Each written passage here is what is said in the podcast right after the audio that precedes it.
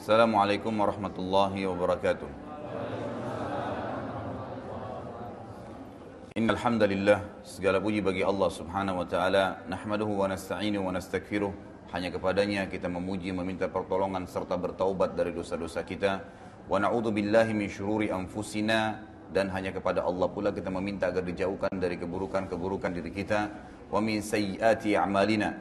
Serta dosa-dosa yang pernah kita lakukan may yahdihillahu fala mudhillalah. Barang siapa yang telah Allah berikan hidayah maka tidak akan pernah sesat selamanya. Wa may yudlil fala hadiyalah. Dan barang siapa yang telah Allah sesatkan maka tidak akan mendapatkan petunjuk selamanya. Asyhadu an la ilaha illallah wahdahu la syarika lahu asyhadu anna Muhammadan abduhu wa rasuluh. Saya bersaksi tiada Tuhan yang berhak disembah kecuali Allah dan Muhammad benar-benar hamba juga utusannya. Kalau Allah Ta'ala, Allah mengingatkan kita dalam kitabnya, Ya ayuhalladzina amanu taqullaha haqqa tuqatihi wa la tamutunna illa wa antum muslimun.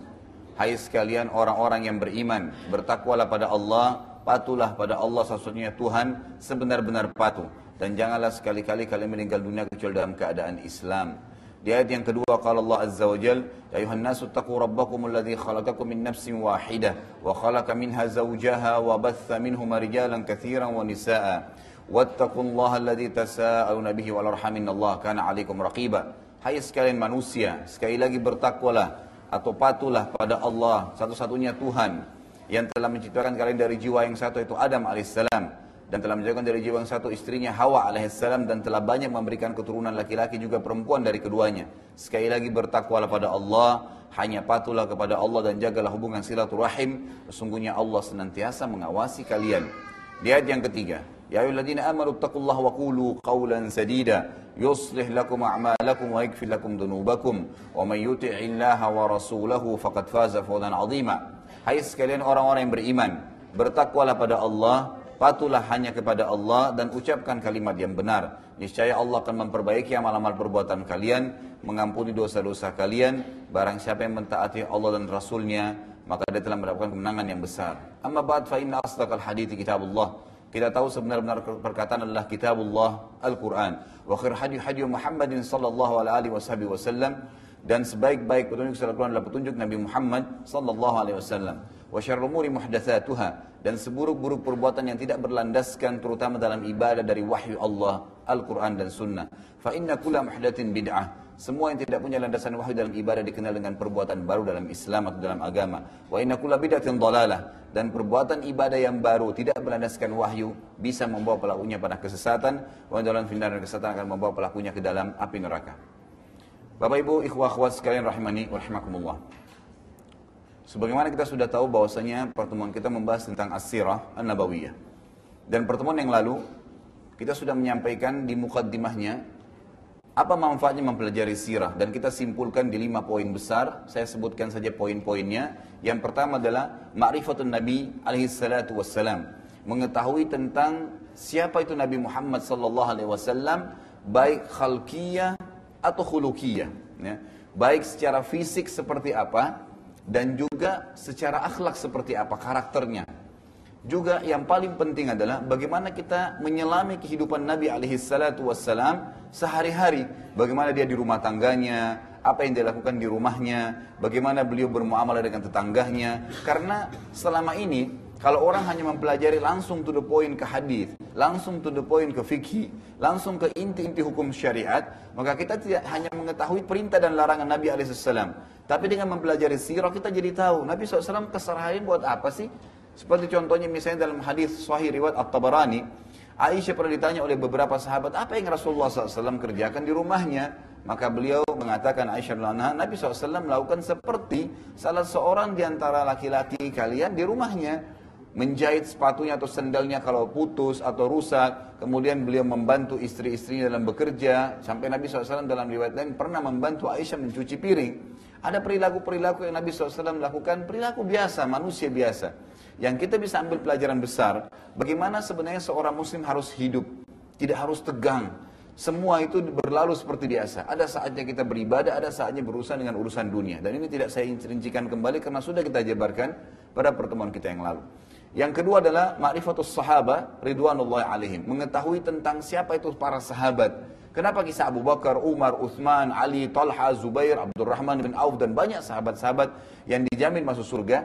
Kenapa kisah mereka kekal dan Allah Subhanahu wa taala jaga sampai sekarang kita bisa membacanya agar kita mengambil pelajaran apa sih perilaku mereka keseharian ya? Apa yang mereka lakukan pada saat pagi, siang, sore, malam hari, bagaimana tanggapan mereka terhadap ayat yang turun, bagaimana aplikasi syariat dalam kehidupan mereka, berumah tangga, bertetangga, berbisnis, apa saja semua itu adalah perilaku yang sebenarnya dinukilkan kepada kita agar kita mencontohi mereka dan bukan mustahil kita bersama-sama dengan mereka dijamin masuk surga.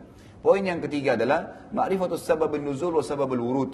Dengan belajar sirah nabawiyah kita akan mengetahui sebab turunnya ayat. Sebagaimana nanti kita akan masuk ke poin-poin dalam sirah kita, bagaimana ayat-ayat turun bersama dengan kejadian yang terjadi di zaman Nabi SAW dan sahabat Ridwanullahi alaihim. Kemudian sabab urut, sebab disebutkannya hadis. Ini juga sudah kita rincikan dan yang keempat adalah ma'rifatu ahwalul kuffar wal munafiqin. Mengetahui tentang perilaku dan keadaan orang-orang kafir serta orang munafik. Siapa itu orang kafir di mata Nabi Shallallahu Alaihi Wasallam? Sehingga kita tidak sembarangan mengkafirkan orang. Sebagaimana banyak kelompok Islam sekarang main kafirkan sana, main kafirkan sini, sementara orang itu bersyahadat.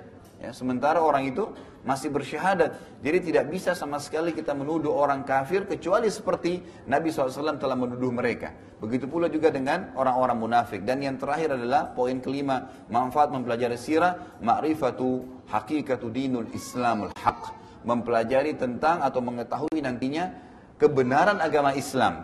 Karena kalau kita pelajari dari awal rentetan sejarah bagaimana Nabi SAW dirumatkan jadi Nabi, bahkan sebelumnya dari beliau lahir, keadaan Jazirah Arab, bagaimana rentetan turunnya ayat-ayat Al-Quran bertahap sampai turunnya ayat-ayat dari Makkiyah kemudian pindah ke Madaniyah atau di Madinah sampai Nabi SAW meninggal dunia. Nanti akan kita lihat dengan mempelajari sirah ini, bagaimana terbentuk pribadi kita dan meyakini dengan keyakinan bahwasanya Islam itu agama yang benar dan kita tidak akan ragu untuk menganutnya. Memang ini agama yang turun melalui proses wahyu, Jibril turun menemui Nabi Muhammad SAW, dan banyak sekali sahabat yang beriman kepada Nabi alaihissalatu wassalam. Baik, hari ini insya Allah kita akan masuk ke masalah lebih mendalam. Sebenarnya, para eh, eh, Bapak Ibu sekalian, kita sebenarnya bisa membahas langsung dari lahirnya Nabi SAW. Tapi saya sudah menyusun sebuah tema yang saya tidak ingin membahas dulu langsung dari lahirnya Nabi SAW karena itu umum dibahas oleh banyak ustadz kita. Tapi saya ingin coba tarik kita jauh ke belakang dulu.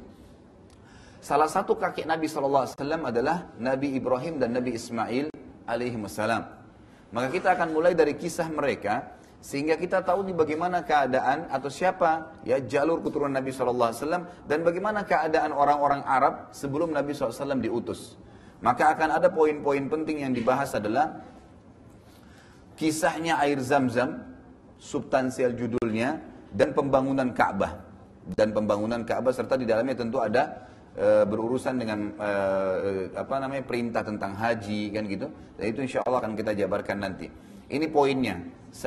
Kalau saya lihat mungkin ini yang kita selesaikan pada hari ini. Tidak tahu kalau Allah kasih taufik bisa menyelesaikan lanjutan poin setelahnya itu bagaimana masuknya agama Samawiyah, Yahudi dan Nasrani di Jazirah Arab. Jadi nanti kalau ada yang bertanya, kok bisa ada orang Arab Yahudi ya? Kok bisa menganut agama Yahudi maksud saya? Bagaimana bisa ada orang Arab yang Nasrani? Ada kisahnya tersendiri. Bagaimana agama ya propertis ini atau agama sama ini bisa masuk ke Jazirah Arab? Sebelum Nabi SAW diutus. Sebelum Nabi SAW diutus. Ini sangat penting untuk diketahui karena rentetannya banyak sekali dengan ayat dan hadis Nabi alaihissalatu wassalam.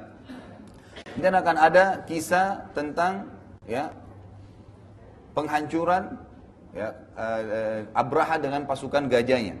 Kemudian akan ada kisah juga bagaimana masuknya ya negeri Yaman di bawah kekuasaan Faris.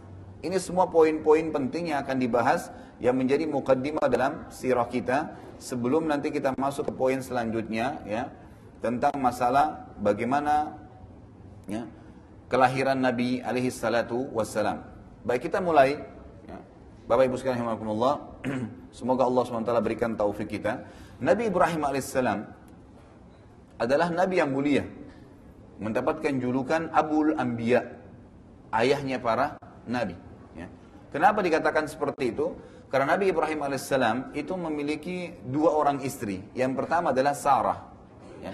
Sarah masyhur, sangat terkenal dengan kecantikannya dan kemuliaannya. Luar biasa gitu. Tentu kita tidak akan terlalu mendalam membahas tentang bagaimana keadaan atau kehidupan ya eh, Sarah bersama Ibrahim alaihissalam, tapi ada beberapa yang disebutkan dalam ayat Al-Quran dan juga hadis Nabi SAW yang penting untuk kita ketahui berhubungan dengan pelajaran sirah kita ini. Di antaranya, Nabi Ibrahim alaihissalam pernah mengadakan perjalanan bersama Sarah ke wilayah Mesir di Afrika Utara. Pada saat sampai ke Mesir, kebetulan waktu itu rajanya Mesir di zaman itu zalim. Suka sekali mengambil istrinya orang. Ya. Jadi bukan mencari perempuan umumnya tapi istrinya orang. Kenapa? Karena dia tahu kalau atau dalam pikiran dia pada saat itu kalau seandainya wanita ini dinikahi oleh seorang laki-laki pasti dia pilihan gitu, dipilih oleh laki-laki tersebut. Jadi perilakunya sangat buruk. Sarah itu sangat terkenal dengan kecantikannya. Maka Nabi Ibrahim alaihissalam waktu jalan dengan Sarah masuk ke Mesir, datanglah beberapa prajurit eh, Raja Mesir waktu itu ingin mengambil Sarah. Maka apa yang mereka katakan? Siapa ini? Pertama ditanya, siapa ini? Maka Ibrahim alaihissalam mengatakan, ini saudariku. Nggak dikatakan istriku. Kenapa? Karena kalau dikatakan istriku, diambil Sarah nantinya. Dan ini disebutkan dalam hadis Bukhari tentang bagaimana di mahsyar nanti ya orang-orang pada saat kepanasan ya orang membutuhkan tentang hadis syafaat kubra ya bagaimana Nabi SAW akan memberikan syafaat nanti pertolongan kepada umatnya di padang mahsyar manusia pada saat sudah kepanasan sudah e, menunggu lama di mahsyar Allahu alam berapa lama sebagaimana disebutkan dalam hadis maka ada sebagian manusia datang ke Adam lalu berkata hai Adam engkau lah ayah kami Engkaulah manusia pertama, mintalah kepada Allah yang supaya Allah datang mengadili kami. Kami ke surga atau ke neraka. Yang penting datang dulu mengadili. Karena di mahsyar sangat panas dan luar biasa pemandangannya gitu. Orang akan di, ada yang terbalik wajahnya di bawah, ada yang dibangkitkan dengan a'azzakumullah bokongnya di, di, di atas dan beragam macam perilaku yang terjadi itu tidak kita bahas juga. Tapi yang jelas pointernya mereka datang ke Adam, Adam mengatakan, hari ini Tuhanku telah murka, belum pernah murka sebelumnya seperti ini. Nafsi-nafsi. Saya cuma bisa selamatkan diriku, diriku sendiri. Maka kalian cobalah pergi ke Idris. Datanglah kepada Idris AS. Lalu Idris juga mengatakan hal yang sama. Inti sarinya setiap nabi didatangi ya oleh manusia-manusia sampai mereka tiba kepada Ibrahim AS. Lalu Nabi Ibrahim AS mengatakan, saya tidak berani karena hari ini Tuhanku telah marah, belum pernah marah sebelumnya seperti ini. Dan tidak akan marah sesudahnya seperti ini. Lalu beliau mengatakan, saya telah melakukan perbuatan salah. Apa itu perbuatan salah Nabi Ibrahim AS? Disebutkan dalam riwayat ini. Saya pernah berbohong. Apa bohongnya? Waktu dia mengatakan kepada prajurit Mesir, ini saudari saya. Sebenarnya bukan bukan bohong ya. Beliau di sini maksudnya saudari saya dalam agama gitu. Tapi beliau karena ketaatannya kepada Allah menganggap itu dosa. Jadi beliau mengatakan, saya pernah berbohong, padahal bohongnya pun sama orang kafir gitu kan. Demi untuk keselamatan istrinya, dia mengatakan ini saudari saya. Jadi Nabi Ibrahim AS mengakui dalam riwayat ini, bagaimana sebenarnya dulu dia pernah melakukan itu. Dan ini riwayat yang menjelaskan ya kejadian tadi. Kita kembali kepada kisah, tapi karena kecantikan Sarah, maka prajurit-prajurit Raja Mesir waktu itu tetap mengambilnya. Walaupun sudah mengaku bahwasanya, nah ini adalah saudari saya. Pada saat dibawa ke istana dan Raja Mesir melihat kecantikan dimiliki oleh Sarah, maka dia langsung ingin menjamanya. Maka Sarah berdoa kepada Allah Azza wa Jal agar ya diselamatkan. Tiba-tiba saja tangan ya kanannya si raja itu stroke. Tiba-tiba nggak bisa bergerak. Mau menyentuh nggak bisa gitu kan. Maka dia mengatakan, apa yang kau lakukan dengan saya? Kata raja itu. Ya. Maka Sarah mengatakan, saya tidak berbuat apa-apa. Ya, saya hanya berdoa kepada Tuhan saya agar diselamatkan dari keburukanmu. Maka dia mengatakan, mintalah kepada Tuhanmu agar saya dikembalikan ya dan saya tidak akan ganggu kamu. Maka Sarah pun berdoa kepada Allah Azza wa agar disembuhkan orang itu sembuh. Gitu kan? Dia tadi belum yakin nih rajanya. Maka apa yang dilakukan? Dia dekati lagi yang kedua kalinya. Jadi dia berbohong tadi. Maka kena sakit yang sama. Tiba-tiba tangannya ingin menjamah tidak bisa bergerak. Gitu kan? Maka dia berkata lagi, mintalah kepada Tuhanmu disembuhkan dan saya tidak akan ganggu kamu, saya janji. Gitu kan? Ternyata Sarah berdoa lagi yang kedua kali, ya, dia kembali lagi, sembuh, dia mau jamaah lagi, gitu kan? Sampai tiga kali. Yang ketiga kalinya, pada saat dia ingin sentuh, akhirnya kembali lagi seperti itu dan dia berkata, saya berjanji dan sudah pasti saya tidak akan ganggu kamu, disaksikan oleh semua apa yang orang-orang ada di istana saya ini, saya akan bebaskan kamu. Lalu dikeluarkan seorang budak wanita oleh si raja ini, itulah Hajar. Dikeluarkan oleh raja ini, ini saya hadiahkan untukmu gitu. Maka Sarah pun berdoa kepada Allah dan disembuhkan tangannya. Ya. Raja itu lalu dia berkata dalam riwayat yang masyhur, Raja itu berkata, keluarkan wanita ini dari istana saya karena yang kalian bawa adalah jin. Gitu. Ya. Karena dia tidak yakin kepada Allah subhanahu wa ta'ala. Jadi dia ucapkan kalimat tersebut. Maka pulanglah Sarah membawa Hajar. Ya. Ini kisah awalnya gitu kan. Jadi Hajar itu memang seorang budak yang dihadiahkan oleh Raja Mesir yang tadinya ingin berbuat jahat dengan Sarah. Pulanglah mereka, ya, balik. Ada beberapa riwayat, ada yang mengatakan Nabi Ibrahim AS tinggal di Palestina, ada riwayat yang mengatakan Nabi Ibrahim tinggal di Babilonia. Ya. Tapi kalau kita gabungkan kedua riwayat ini, Nabi Ibrahim AS memang lahir di kota Babilonia, ya, di Irak.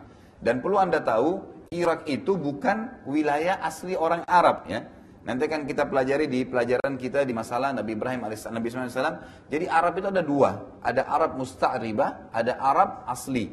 Ada orang Arab yang asli dan itu dari Yaman asalnya mereka. Dan ada negara, orang Arab yang terarabkan. Ini diistilahkan bagi siapa pun yang menikah dengan orang Arab atau menggunakan bahasa Arab di lisannya. Makanya kita lihat seperti negara-negara di Afrika, Mesir, Tunis, Jazair, Maroko, itu semua bukan orang Arab. Ya. Itu mereka bukan orang Arab. Orang Mesir itu aslinya orang Kipti, ya, suku Kipti. Tapi karena mereka pakai bahasa Arab di negaranya dikatakan negara Arab, orang Arab gitu kan kena bahasa. Sama dengan Tunis, Jazair, Maroko, tiga negara besar di Afrika Utara ini adalah suku barbar yang terkenal. Ya, setelah mereka masuk Islam, mereka menikah dengan orang-orang Arab, bahasanya sudah pakai bahasa Arab, maka dikatakan orang-orang Arab. Kita temukan juga Sudan, itu asli Afrika, gitu kan? Tapi jadi negara Arab dan seterusnya. Sama kalau kita lihat ke arah barat itu arah timur dan arah baratnya, sama juga di Irak. Ya. Irak juga begitu, bukan negara Arab. Ya. Tapi karena mereka menggunakan bahasa Arab dan berbaur, akhirnya dikatakan negara Arab. Jadi Nabi Ibrahim AS bukan asli orang Arab. Ya. Bukan asli orang Arab. Nanti akan kita lebih jauh mempelajari masalah itu binillahi ta'ala. Jadi Nabi Ibrahim AS akhirnya, eh, Sarah akhirnya pulang bertemu Nabi Ibrahim AS dan mereka semua kembali ya, ke wilayah Babilonia. Ini wilayah tempat lahir Nabi Ibrahim AS. Lalu mereka pindah ke Palestina setelahnya. Mereka pindah ke Palestina. Ringkas cerita adalah, karena ini cukup panjang kisahnya, ya, dan ini uh, ada bahasan khusus tentang Nabi Ibrahim AS dengan Sarah. Intinya adalah Nabi Ibrahim AS akhirnya, ya, setelah berapa tahun menikah dengan Sarah, dan Sarah tidak memiliki anak. Ya, sebagian riwayat mengatakan karena beliau mandul, ya, beliau mandul. Sampai umurnya ada beberapa riwayat yang khilaf tapi ada pendapat yang kuat mengatakan umur Sarah itu mencapai 60 tahun. Tidak punya anak, gitu kan? Waktu itu ada beberapa riwayat juga yang menyebutkan Hajar dengan Sarah ini selisih umurnya cukup jauh. Karena Hajar itu adalah seorang budak yang masih mudah sekali pada saat dihadiahkan gitu kan. Tapi tidak disebutkan umurnya. Maka selisih umurnya cukup jauh. Sarah karena merasa khawatir dan merasa kesian dengan Ibrahim alaihissalam tidak punya anak, maka dia hadiahkan Hajar untuk dinikahi. Nabi Ibrahim alaihissalam pun menikahi Hajar dan akhirnya dengan setahun menikah itu punya anak. Anaknya adalah Ismail. Jadi dari Hajar itu anaknya adalah Ismail. Setelah punya anak, fitrah ya Sarah itu merasa muncul, kenapa kok dia tidak bisa memberikan anak sementara Hajar bisa, gitu kan? Lalu berdoa kepada Allah Azza wa Jal agar juga dikaruniai anak dalam kondisi umur beliau 60 tahun. Apa yang terjadi? Setelah dua tahun proses tadi, umur Ismail alaihissalam, maka malaikat datang kepada Nabi Ibrahim alaihissalam itu memberitahukan berita gembira. Asalnya mereka akan datang untuk menghancurkan kaum Lut. Nabi Lut ya, yang kaumnya terkenal melakukan homoseksual. Itu keponakan Nabi Ibrahim alaihissalam. Jadi dia keponakan Nabi Ibrahim dan orang yang paling pertama beriman dengan risalah Nabi Ibrahim adalah Nabi Lut. Setelah diutus beriman, Allah utus menjadi nabi, maka diutus dia ke kaumnya. Sebagaimana sabda Nabi SAW dalam hadis sahih muttafaqun alaih, semua kau semua nabi diutus untuk kaumnya masing-masing. Jadi sebelum Nabi SAW, itu para nabi berdakwah di masyarakatnya masing-masing. Seperti misalnya Nabi Ibrahim di daerah Palestina, Babilonia, dan wilayah Mekah nantinya. Ada tiga lokasi dakwanya gitu kan. Sementara Nabi Lut, keponakan beliau itu ada di, di wilayah Yordania. Ya. Kalau sekarang tepatnya batas Yordania dengan Israel ya. Itu ada laut mati, di situ wilayahnya dakwanya Nabi Lut dan tidak ada kewajiban untuk berdakwah di tempat lain. Jadi khusus di wilayah situ saja. Tapi Nabi Muhammad SAW waktu diutus itu untuk seluruh manusia, gitu kan? Jadi bedanya di situ. Tapi nabi-nabi sebelum tidak. Sama halnya Nabi Isa alaihissalam, ya. Nabi Isa alaihissalam dikhusus untuk untuk wilayah sendiri. Jadi keliru kalau ada orang-orang Nasrani mendakwakan Nasra, agama Nasara sampai ke Indonesia. Itu keliru. Hmm? Kenapa? Karena Nabi Isa itu hanya khusus untuk Bani Israel, gitu loh. Jadi dia bukan untuk ke mana-mana didakwai gitu. Kalau Nabi SAW tidak. Wa ma arsalnaka illa rahmatan lil alamin gitu kan. Kami gak utus kamu kecuali untuk seluruh alam semesta. Gitu kan. Jadi jelas sekali. Dalam sebuah hadis sahih kata Nabi SAW, Inna mabu itu ilal ahmari wal aswad. Saya diutus untuk golongan merah dan golongan hitam. Artinya jin dan manusia. Gitu kan. Jadi tidak terkecuali. Baik.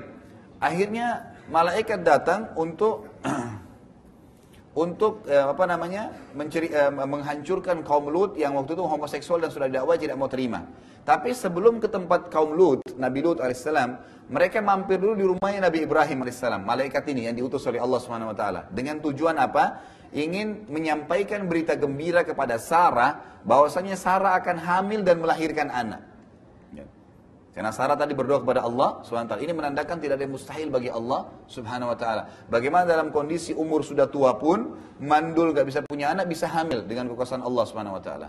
Kita dengarkan kisahnya. Waktu malaikat datang ke rumah Ibrahim alaihissalam, seperti apa sih kejadiannya? Allah sebutkan dalam surah Az-Zariyat. Urutan 51 ayat 24 sampai ayat 30. Ya. Az-Zariyat 54 urutan surahnya ayat 24 sampai ayat 30 yang bunyinya a'udzubillahi minasyaitonirrajim.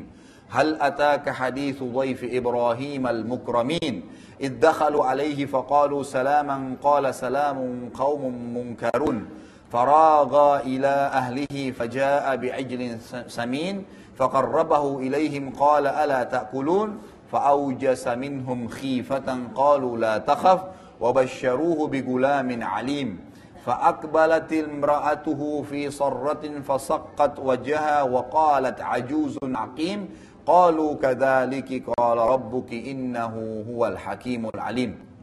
Sudah sampaikah kepada kepada hai Muhammad cerita tentang tamunya Ibrahim dua malaikat yang datang untuk menghancurkan kaum Lut. Kisahnya bagaimana? Yaitu malaikat-malaikat yang dimuliakan kata Allah di ayat 24-nya. Ayat 25-nya, ingatlah ketika mereka datang ke tempatnya Ibrahim dan mengucapkan salamun atau keselamatan bagi Ibrahim. Ibrahim pun menjawab salam juga ya, artinya keselamatan untuk kalian ya.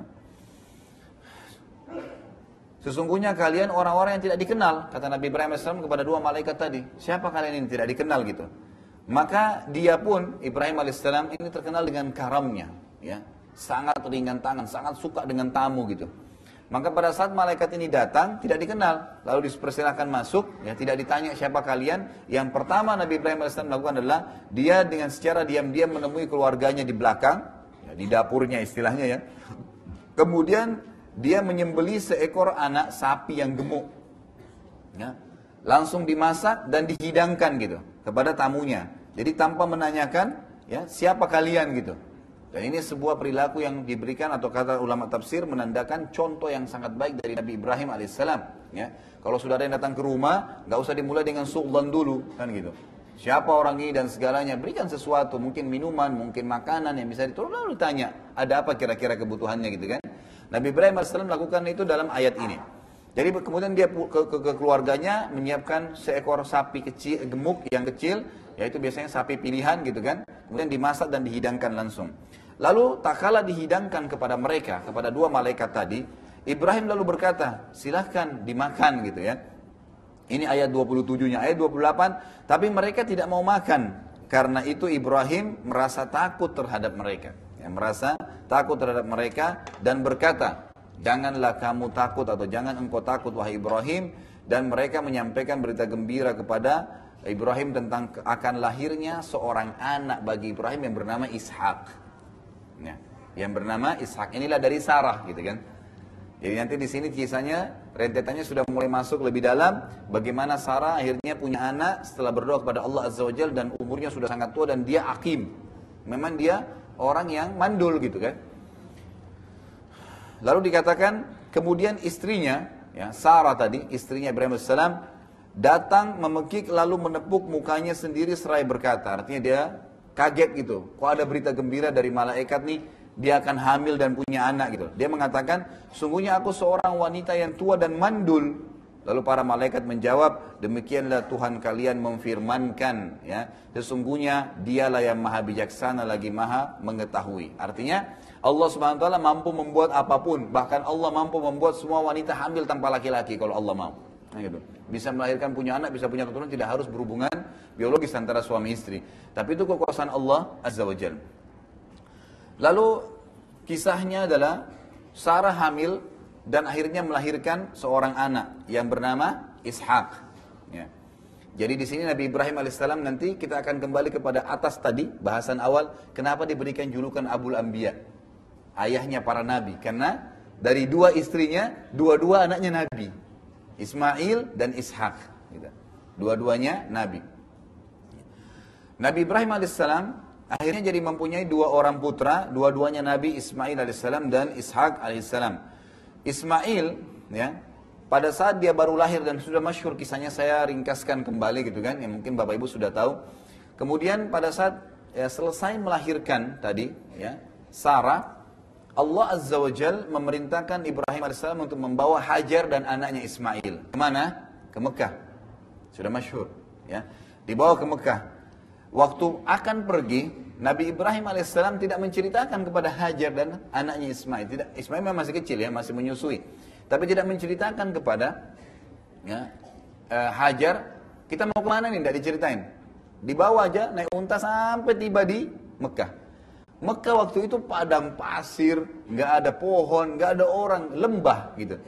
Jadi kalau anda lihat ya gambar aslinya Ka'bah itu, itu ada pegunungan sekelilingnya dan itu lembah. Makanya hikmahnya di sana tidak pernah hujan. Satu kali hujan banjir pasti. Karena memang lembah. Ya itu lembah. Jadi kalau turun hujan dari gunung itu pasti ngumpuk semua di Ka'bah itu. Seperti kejadian tahun e, beberapa tahun yang lalu ya. Mungkin masih ada fotonya itu sampai di pintu Ka'bah banjirnya gitu kan. Itu mungkin tahun 60-an ya terjadi di Mekah dulu. Itu karena memang tidak pernah hujan dengan hikmah Allah SWT. Pada saat hujan pun maka terjadi banjir. Waktu itu tidak ada pohon, tidak ada makanan, tidak ada orang, nggak ada kehidupan gitu. Padang pasir, ya lembah. Tetapi sebagian ulama mengatakan memang asalnya ya Ka'bah itu asasnya sudah ada. Asasnya sudah ada. Dan pernah Ka'bah itu dibangun oleh Adam alaihissalam dengan Syir, anaknya. Atau anak Nabi Adam namanya bernama Syir, ya Mungkin yang Bapak Ibu kenal Qabil dan Habil kan gitu. Tapi ada lagi yang satu namanya Syid dan Nabi Adam AS punya anak banyak anak. Syid ini orang yang anak yang sangat saleh, tapi dia tidak diangkat menjadi nabi. Khilaf di antara ulama, tapi dikatakan tidak diangkat menjadi nabi karena sudah disepakati 10 abad ya. Dari zaman Nabi Adam AS itu tidak ada syirik. Tidak dibutuhkan nabi. Gitu kan? Nanti setelah uh, adanya kesyirikan barulah Allah Subhanahu taala mengutus Idris alaihissalam, gitu kan? Jadi konseptualnya di sini jelas. Lalu kita Ismail AS dibawalah Hajar dengan ibunya Hajar oleh Ibrahim SAW ditaruh. Pada saat tiba di lembah itu lalu diletakkan langsung ditaruh aja. Silakan turun di sini. Hajar bingung. Berkata dalam riwayat saya, Ibrahim, ya, apakah anda meletakkan kami di lembah ini tidak ada kehidupan, tidak ada orang. Kemudian Nabi Ibrahim waktu turunnya itu langsung mau jalan gitu. Loh ini nggak ada keterangan, nggak ada kejelasan apa ini kita mau buat apa di sini gitu. Ya. Lalu Nabi Ibrahim AS karena merasa sedih sebenarnya. Ini kan perintah. Perintah Allah cuma datang wahyunya apa? Antar istrimu dan anakmu Hajar dan Ismail ke Mekah. Bas, di lembah itu saja. Selesai. Apa untuk apa di sana nggak jelas. Ditaruh aja di sini. Pokoknya perintah Allah begitu. Nanti datang perintah setelahnya. Maka Nabi Ibrahim AS pun lakukan saja, patuh. Ya. Taruh istri dan anaknya tidak dijelasin. Karena dia merasa sedih, dia nggak lihat kepada Hajar, terus membelakangi. Hajar mengikuti di belakang. Hai Ibrahim, apakah engkau membiarkan kami di lembah ini? Gitu kan tidak ada kehidupan, tidak ada orang. Nabi Ibrahim tidak jawab sampai tiga kali bertanya akhirnya Hajar berkata dan ini riwayat sahih menjelaskan bagaimana keimanan ya Hajar alaihissalam. Dia mengatakan Allahu amaraka bihada. Baik kalau kau tidak bisa jawab Ibrahim saya ingin tanya karena ini kan sudah tahu Hajar tahu ini ada Nabi Allah. Apakah Allah yang menyuruh engkau melakukan ini? Maka Nabi Ibrahim AS menganggukkan kepalanya sambil menangis gitu, sedih ya Nabi Ibrahim AS waktu itu. Maka Hajar menjawab pertanyaan membesarkan jiwanya dan suaminya juga. Dia mengatakan, "Idzan layyudayyi'ana." Kalau begitu, Allah tidak akan membiarkan kami. Kata-kata lan dalam bahasa Arab itu ada bahasa Arab kan ada tiga ya. Ada la yang berarti tidak. Ada lam dengan mim tidak pernah dan ada lam dengan nun lan tidak pernah. Di sini dikatakan idzan la yudayyina, la yudayyina. Tidak akan pernah Allah menghilangkan kami dengan keyakinan luar biasa. Maka Nabi Ibrahim pun alaihissalam mengikuti wahyu langsung pulang gitu. Hajar kisahnya sendirian nih sama Ismail. Dalam riwayat yang masyhur dalam riwayat Bukhari, riwayat Muslim cukup banyak. Lalu akhirnya dia ya duduk di padang pasir, tidak ada sebuah pohon yang menaunginya, menyusui anaknya. Setelah beberapa saat dia merasa kekurangan, haus, panas gitu kan. Mau butuh air, mau ke mana nih gitu. Maka dia pun keliling untuk mencari air, keliling untuk mencari air. Tidak ditemukan di sekitar situ, lalu akhirnya dia mendapati dua bukit yang kita sudah tahu Safa dan Marwah. Naiklah dia ke Safa, sebuah gunung yang besar, Marwah sebuah gunung yang besar. Tentu sekarang tidak terlalu kelihatan besar ya, karena sudah di keramik. Dulu itu sangat tinggi gunung itu gitu kan. Ya. Jadi kalaupun sekarang kita juga dari dari dekat dekat Ka'bah dekat tawaf jalan itu sebenarnya sudah sudah tinggal menukik tuh. Cuma sudah di keramik jadi tidak terasa gitu kan. Dan perlu anda tahu nanti kalau sa'i haji itu tidak perlu sampai ke atas ya. Banyak bapak ibu naik naik sampai ke atas itu nggak perlu. Yang penting sudah naik menanjak itu sudah cukup, sudah bisa memulai sa'inya. Baik dia naik ke sofa. Kenapa tuhnya sampai naik ke sofa? Karena di padang pasir kalau tempat itu kering sekali, biasanya dan panas, panas matahari itu sangat ya panas gitu kan. Nanti matahari itu bisa memantulkan cahaya air dari tempat lain. Tapi dia fata morgana nggak ada gitu kan. Itu sering terjadi karena panasnya cuaca. Mungkin kalau di sini juga sangat panas cuaca. Kalau Bapak Ibu lagi perjalanan perjalanan yang jauh gitu kan, coba lihat di kejauhan seperti ada genangan air, padahal sebenarnya tidak ada. Itu pantulan dari tempat lain gitu kan. Maka Sa, uh, Hajar alaihissalam itu melihat dari Safa seakan-akan di Gunung Marwah itu ada air. Enggak ada, baiklah dia sa'i tadi. Sa'i itu artinya berjalan. Ya, jadi istilah sa'i itu adalah berjalan gitu kan. Dia jalanlah turun gitu kan. Di tengah-tengah lembah yang ada lampu hijau dua, disuruh lari kecil. Tahu nggak kenapa disuruh lari? Jadi dari situ dulu itu udah mulai menukik ke Marwah untuk supaya bisa gampang naiknya ke atas, maka beliau lari, gitu kan? Lari dulu supaya nanti naik ke atas Marwah itu bisa lebih gampang gitu. Naiklah ke Marwah, dilihat lagi ke arah Safa, seakan-akan ada air tapi tidak ada. Turun lagi dia ke Safa sampai tujuh kali. Yang gitu.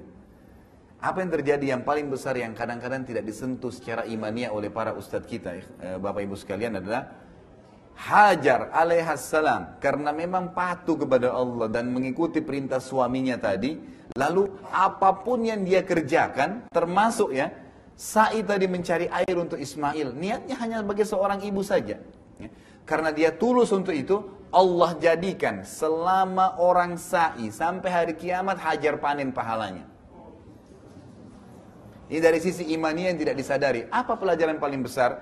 Bahwasanya ya siapa pun yang mengerjakan sesuatu karena Allah berjalan ingin jenguk orang tuanya menjenguk saudaranya yang sakit membantu orang setiap langkah itu bernilai pahala di sisi Allah SWT. Dan ada ada pasti bekasnya. Selama ketulusan itu ada. Di sini Hajar hanya sekedar mau cari air buat anaknya nggak ada pikiran lain. Ya, tapi itu sesuatu perilaku yang baik. Dan tadi dia patuh dengan perintah Allah kepada suaminya dan dia dukung suaminya untuk itu maka Allah SWT memudahkan. Selama orang sa'i bayangkan nih kalau orang sa'i saya berapa kali pergi kalau haji kalau umroh itu apalagi Ramadan luar biasa. Jutaan orang di situ kan. Berapa berapa banyak tuh pahalanya gitu kan. Kalau Allah catatin satu sa'i satu pahala saja per orang kali sekian juta kali setiap hari gitu kan.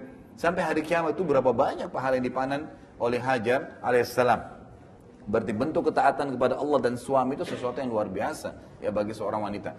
Baik, kita kembali ke poinnya. Setelah tujuh kali dia berjalan, dia melihat baru Hajar menyadari ternyata ya tidak ada air di sini gitu. Dan Ismail itu ditinggal sendiri. Karena tempatnya Ismail cukup jauh dari situ. Ternyata waktu Hajar karena sudah keletihan capek mencari tidak dapat ada beberapa asar tapi yang paling rajih sebenarnya Jibril alaihissalam datang. Datang tapi tidak lihat oleh Hajar lalu mengebaskan sayapnya sehingga membuat tanah di padang pasir itu mengeluarkan air, mata air. Yang kita tahu dengan zam-zam, gitu kan?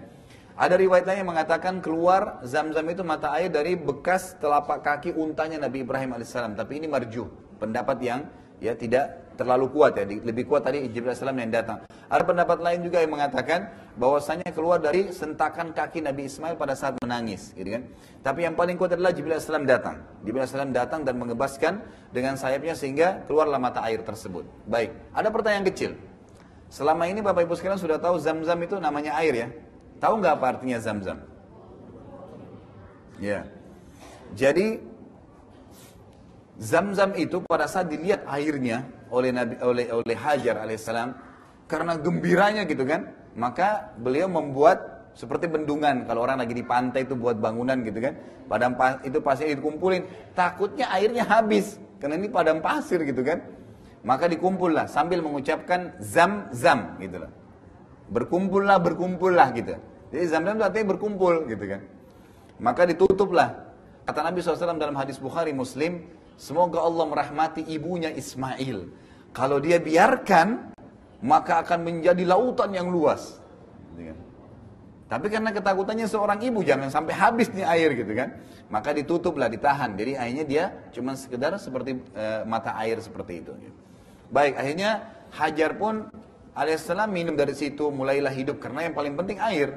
Dan subhanallah, zam-zam itu sebagaimana dalam hadis sahih dikatakan zam-zam ya bagi orang yang meminumnya. Boleh niat apa saja. Ya. Sebagaimana Nabi eh, Imam Syafi'i rahimahullah mengatakan saya minum zam-zam dengan tiga niat.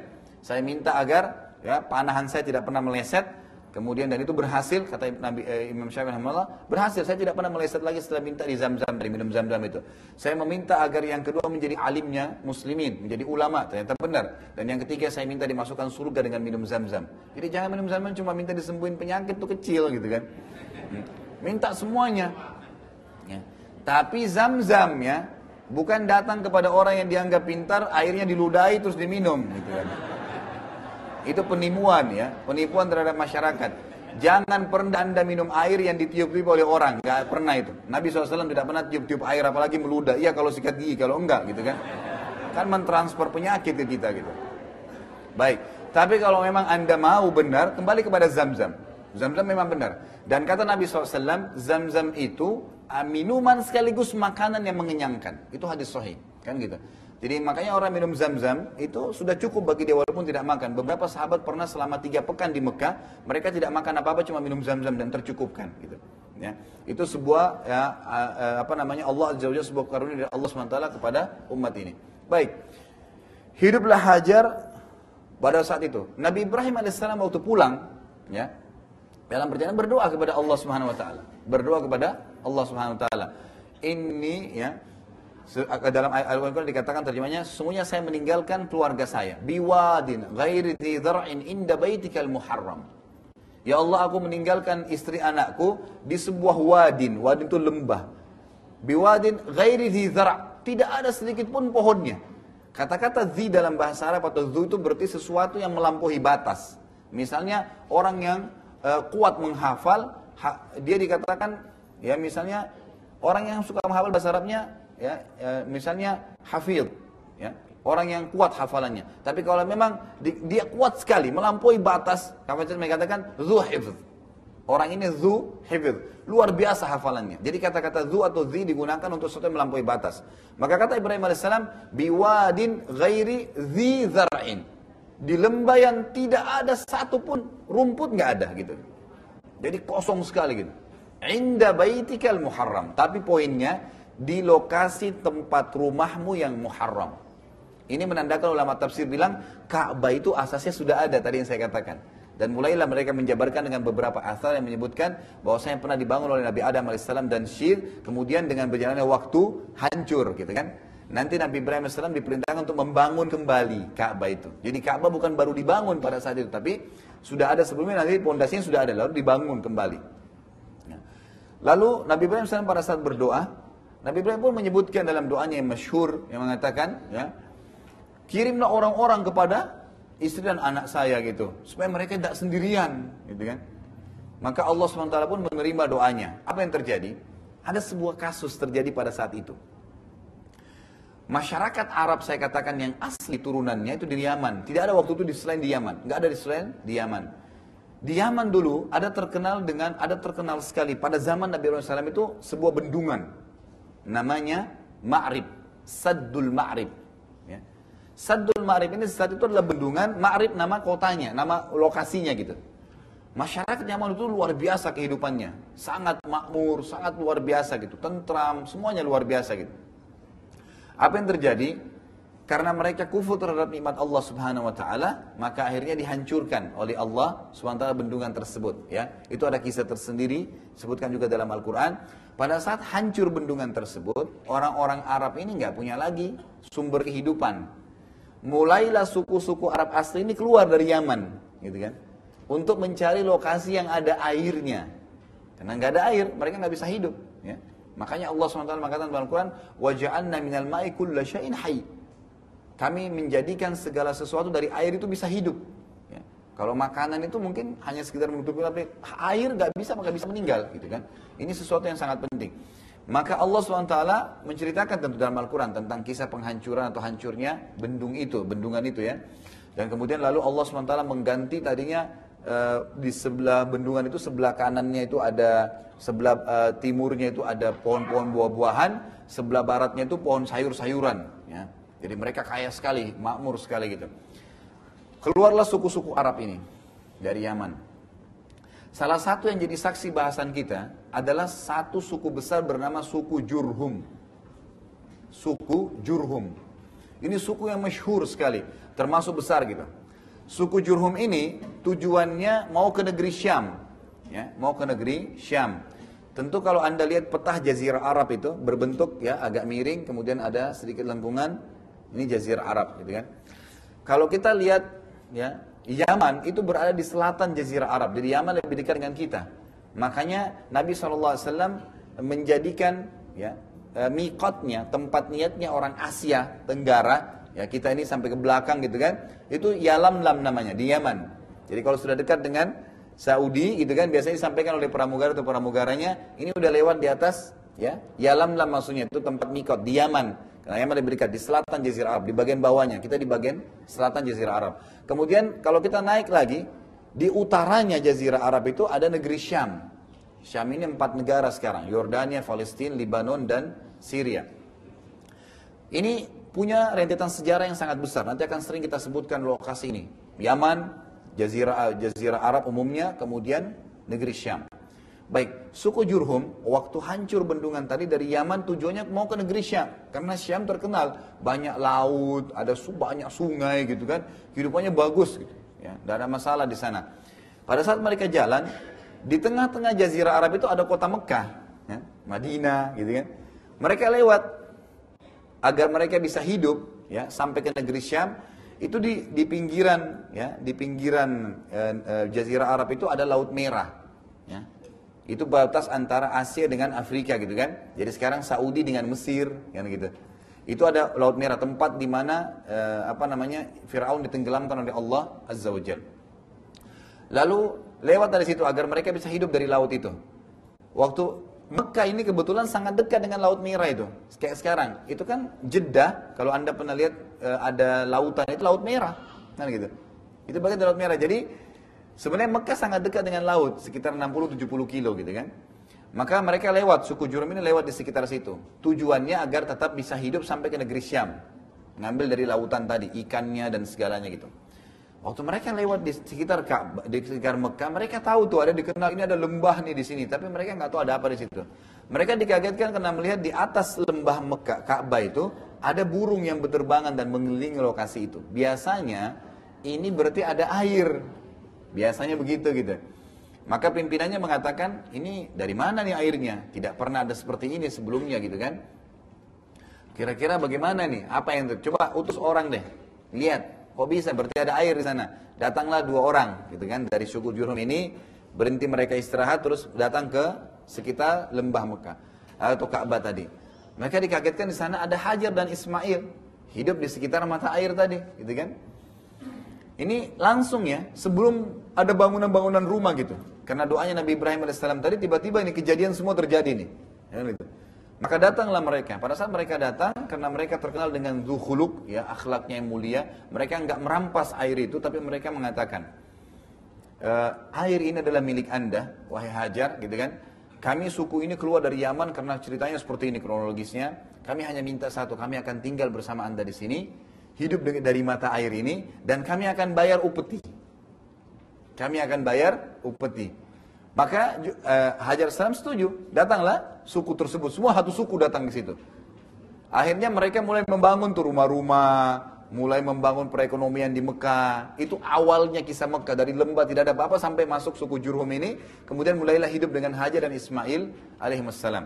Lalu mereka hiduplah dari air tersebut dan Hajar hidup lebih lebih berkembang lagi karena ada upeti yang dibayar dari makanan, dari uang gitu kan. Hiduplah suasana di Mekah pada saat itu. Nabi Ibrahim, Nabi Ismail alaihissalam berkembang nih. Nabi Ibrahim ini belum datang nih, belum pernah lihat, ya. Ini karena Nabi Ibrahim alaihissalam itu nunggu wahyu. Ini kapan nih saya diperintahin untuk ke sana gitu kan? Karena semua berhentian dengan wahyu gitu kan. Ini seorang nabi.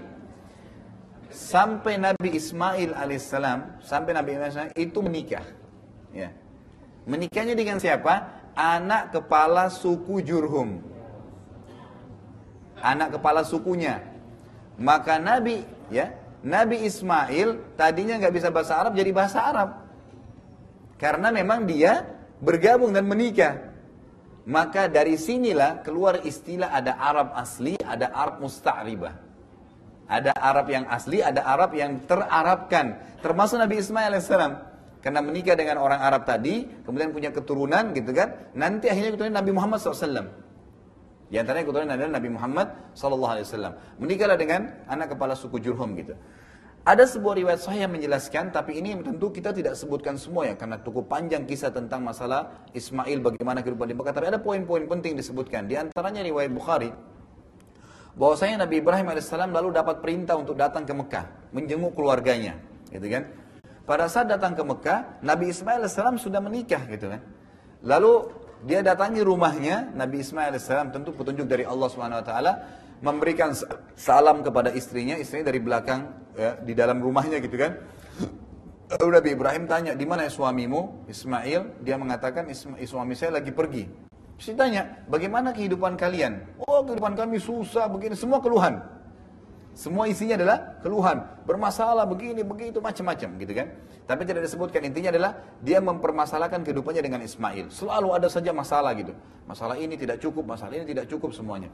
Lalu Nabi Ibrahim setelah mendengar mengatakan, sampaikan kepada suamimu Ismail, telah datang seseorang bernama Ibrahim. Dia tidak katakan ayahnya. Dan menitipkan pesan agar mengganti tiang rumahnya